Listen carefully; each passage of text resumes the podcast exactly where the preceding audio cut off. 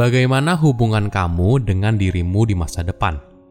Apakah kamu melihatnya seperti sosok yang asing atau seperti layaknya seorang teman dekat? Halo semuanya, nama saya Michael. Selamat datang di channel saya, Sikutu Buku. Kali ini saya akan bahas bagaimana kamu punya hubungan yang lebih sehat dengan dirimu di masa depan. Banyak orang melihat diri mereka di masa depan seperti orang asing tidak aneh, kita sering kali membuat keputusan yang buruk. Kita memilih makan gorengan sekarang daripada makan sehat. Kita memilih untuk bersantai daripada pergi berolahraga.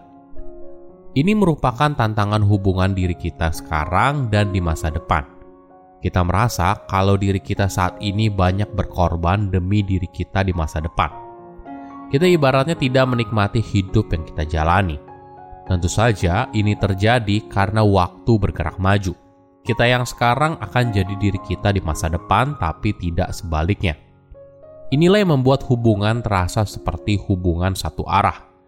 Tapi di sisi lain, jika kita punya hubungan yang lebih erat dengan diri kita di masa depan, jika kita melihatnya bukan sebagai orang asing, tapi sebagai teman dekat atau orang yang kita cintai, pengorbanan yang kita curahkan saat ini justru tidak terasa berat Malah kita dengan senang hati melakukannya. Karena kita tahu kalau kita tidak membantu orang asing, tapi membantu orang yang kita cintai. Sebelum kita mulai, buat kalian yang mau support channel ini agar terus berkarya, caranya gampang banget. Kalian cukup klik subscribe dan nyalakan loncengnya. Dukungan kalian membantu banget supaya kita bisa rutin posting dan bersama-sama belajar di channel ini. Apakah kamu tahu kalau kita punya hubungan yang unik dengan diri kita di masa depan? Jadi, sebuah riset menemukan kalau aktivitas otak para responden ketika berpikir soal masa depan secara rata-rata sama dengan ketika orang itu berpikir tentang orang lain. Artinya, di tingkatan otak, kita melihat diri kita di masa depan sebagai orang yang berbeda. Padahal tentu saja, tidak peduli 10, 20, atau 30 tahun lagi, di permukaan kita tetaplah orang yang sama. Orang lain akan memanggil nama kita dan mungkin saja kamu masih tetap punya teman yang sama. Tapi tentu saja nama belakangmu mungkin berubah. Warna rambutmu berubah, preferensimu berubah, kesukaanmu berubah, ketidaksukaanmu berubah, dan di berbagai aspek lainnya. Bisa dimaklumi jika kita di masa depan terasa seperti orang yang berbeda. Jadi tidak aneh ketika kita sering kali sulit berkomitmen untuk mengubah hidup menjadi lebih baik demi masa depan.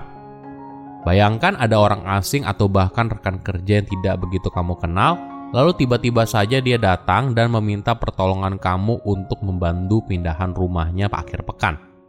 Kemungkinan besar kamu akan mencari seribu satu alasan untuk menolak.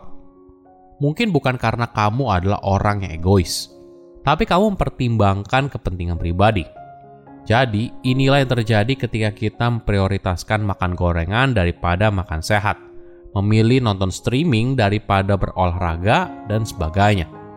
Konsekuensinya akan dirasakan oleh seseorang yang kamu tidak kenal.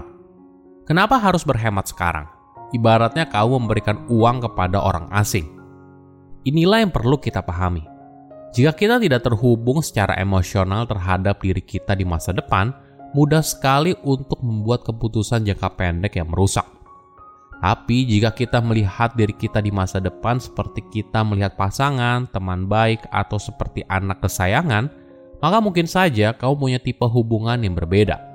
Yang terjadi adalah kamu memasukkan empati pada hubungan tersebut. Alhasil, kamu jadi membuat keputusan yang menguntungkan dirimu saat ini dan dirimu di masa depan. Nah, kenapa seorang mengambil keputusan yang buruk? Ada yang dikenal sebagai temporal discounting. Sederhananya, kita mendiskon nilai dari hadiah masa depan dibandingkan dengan saat ini. Jadi, jika kamu punya opsi sekarang dan kamu bisa mendapatkan apa yang kamu inginkan saat ini, tapi kamu mungkin akan menderita di kemudian hari. Dalam situasi tersebut, kamu mungkin tergoda untuk mengambil pilihan itu. Dilema ini dialami oleh banyak orang dalam kehidupan sehari-hari, antara menabung atau boros, antara olahraga atau duduk di sofa, antara makan terlalu banyak atau makan secukupnya, dan masih banyak lagi. Boleh dibilang, banyak masalah yang kita hadapi berasal dari perbedaan antara saat ini dan masa depan. Kita sering kali memprioritaskan kebutuhan saat ini dan tidak memperdulikan konsekuensinya. Di sisi lain, kita mungkin kesulitan untuk membayangkan diri kita di masa depan, menginginkan sesuatu yang berbeda dengan apa yang kita inginkan saat ini. Contohnya begini, kamu baru saja menikah dan membeli sebuah apartemen Lokasinya strategis dan dekat dengan tempat kerja, mall, restoran, dan sebagainya. Ini merupakan tempat yang ideal buat kamu dan pasangan. Namun setahun kemudian istri kamu hamil dan anak kamu lahir. Seketika lokasi itu menjadi kurang ideal. Berbagai manfaat seperti dekat dengan tempat hiburan menjadi kurang penting karena kamu butuh tempat tinggal yang lebih luas. Justru tinggal di klaster malah jadi pilihan yang lebih baik. Ini yang sering kali terjadi. Transisi hidup yang besar membuat kita melihat hidup dengan cara yang berbeda dan sangat sulit untuk mengimajinasikan bagaimana hidup kita 10 tahun atau bahkan 20 tahun mendatang. Tentunya kita yang sekarang dengan kita 10 tahun atau bahkan 20 tahun lagi memiliki keinginan yang berbeda. Menariknya, kita justru berpikir sebaliknya. Kita merasa diri kita di masa depan tidak akan banyak berubah ada efek psikologi yang dikenal dengan the end of history illusion. Artinya, seseorang tidak peduli berapapun usianya, percaya kalau mereka telah mengalami pertumbuhan pribadi yang signifikan dan perubahan selera hingga saat ini. Namun tidak akan tumbuh atau berubah secara substansial di masa depan. Inilah yang mendorong kita membuat berpikir pendek dan tidak mempertimbangkan apa yang diinginkan oleh diri kita di masa depan. Oke, bagaimana kita bisa menciptakan hubungan yang lebih dekat dengan diri kita di masa depan? Mungkin kita perlu mempererat hubungan kita sendiri dengan diri kita di masa depan. Ada sebuah riset yang menarik. Jadi para peneliti memasukkan para responden ke dalam sebuah ruangan virtual reality di mana mereka bisa berkeliling dengan kacamata VR. Lalu dihadapkan di depan kaca. Nah, di kaca tersebut merupakan foto digital mereka dengan kondisi menua atau foto digital mereka saat ini. Menariknya, responden yang melihat foto digital mereka dengan kondisi menua berencana untuk menabung dalam jangka panjang. Ketika kamu punya gambaran yang lebih jelas tentang diri kamu di masa depan, kamu mulai merasa ada koneksi emosional. Alhasil, kamu jadi lebih mungkin melakukan sesuatu yang bermanfaat bagi orang tersebut. Selain itu, kamu juga bisa mencoba untuk mengirim surat kepada dirimu di masa depan.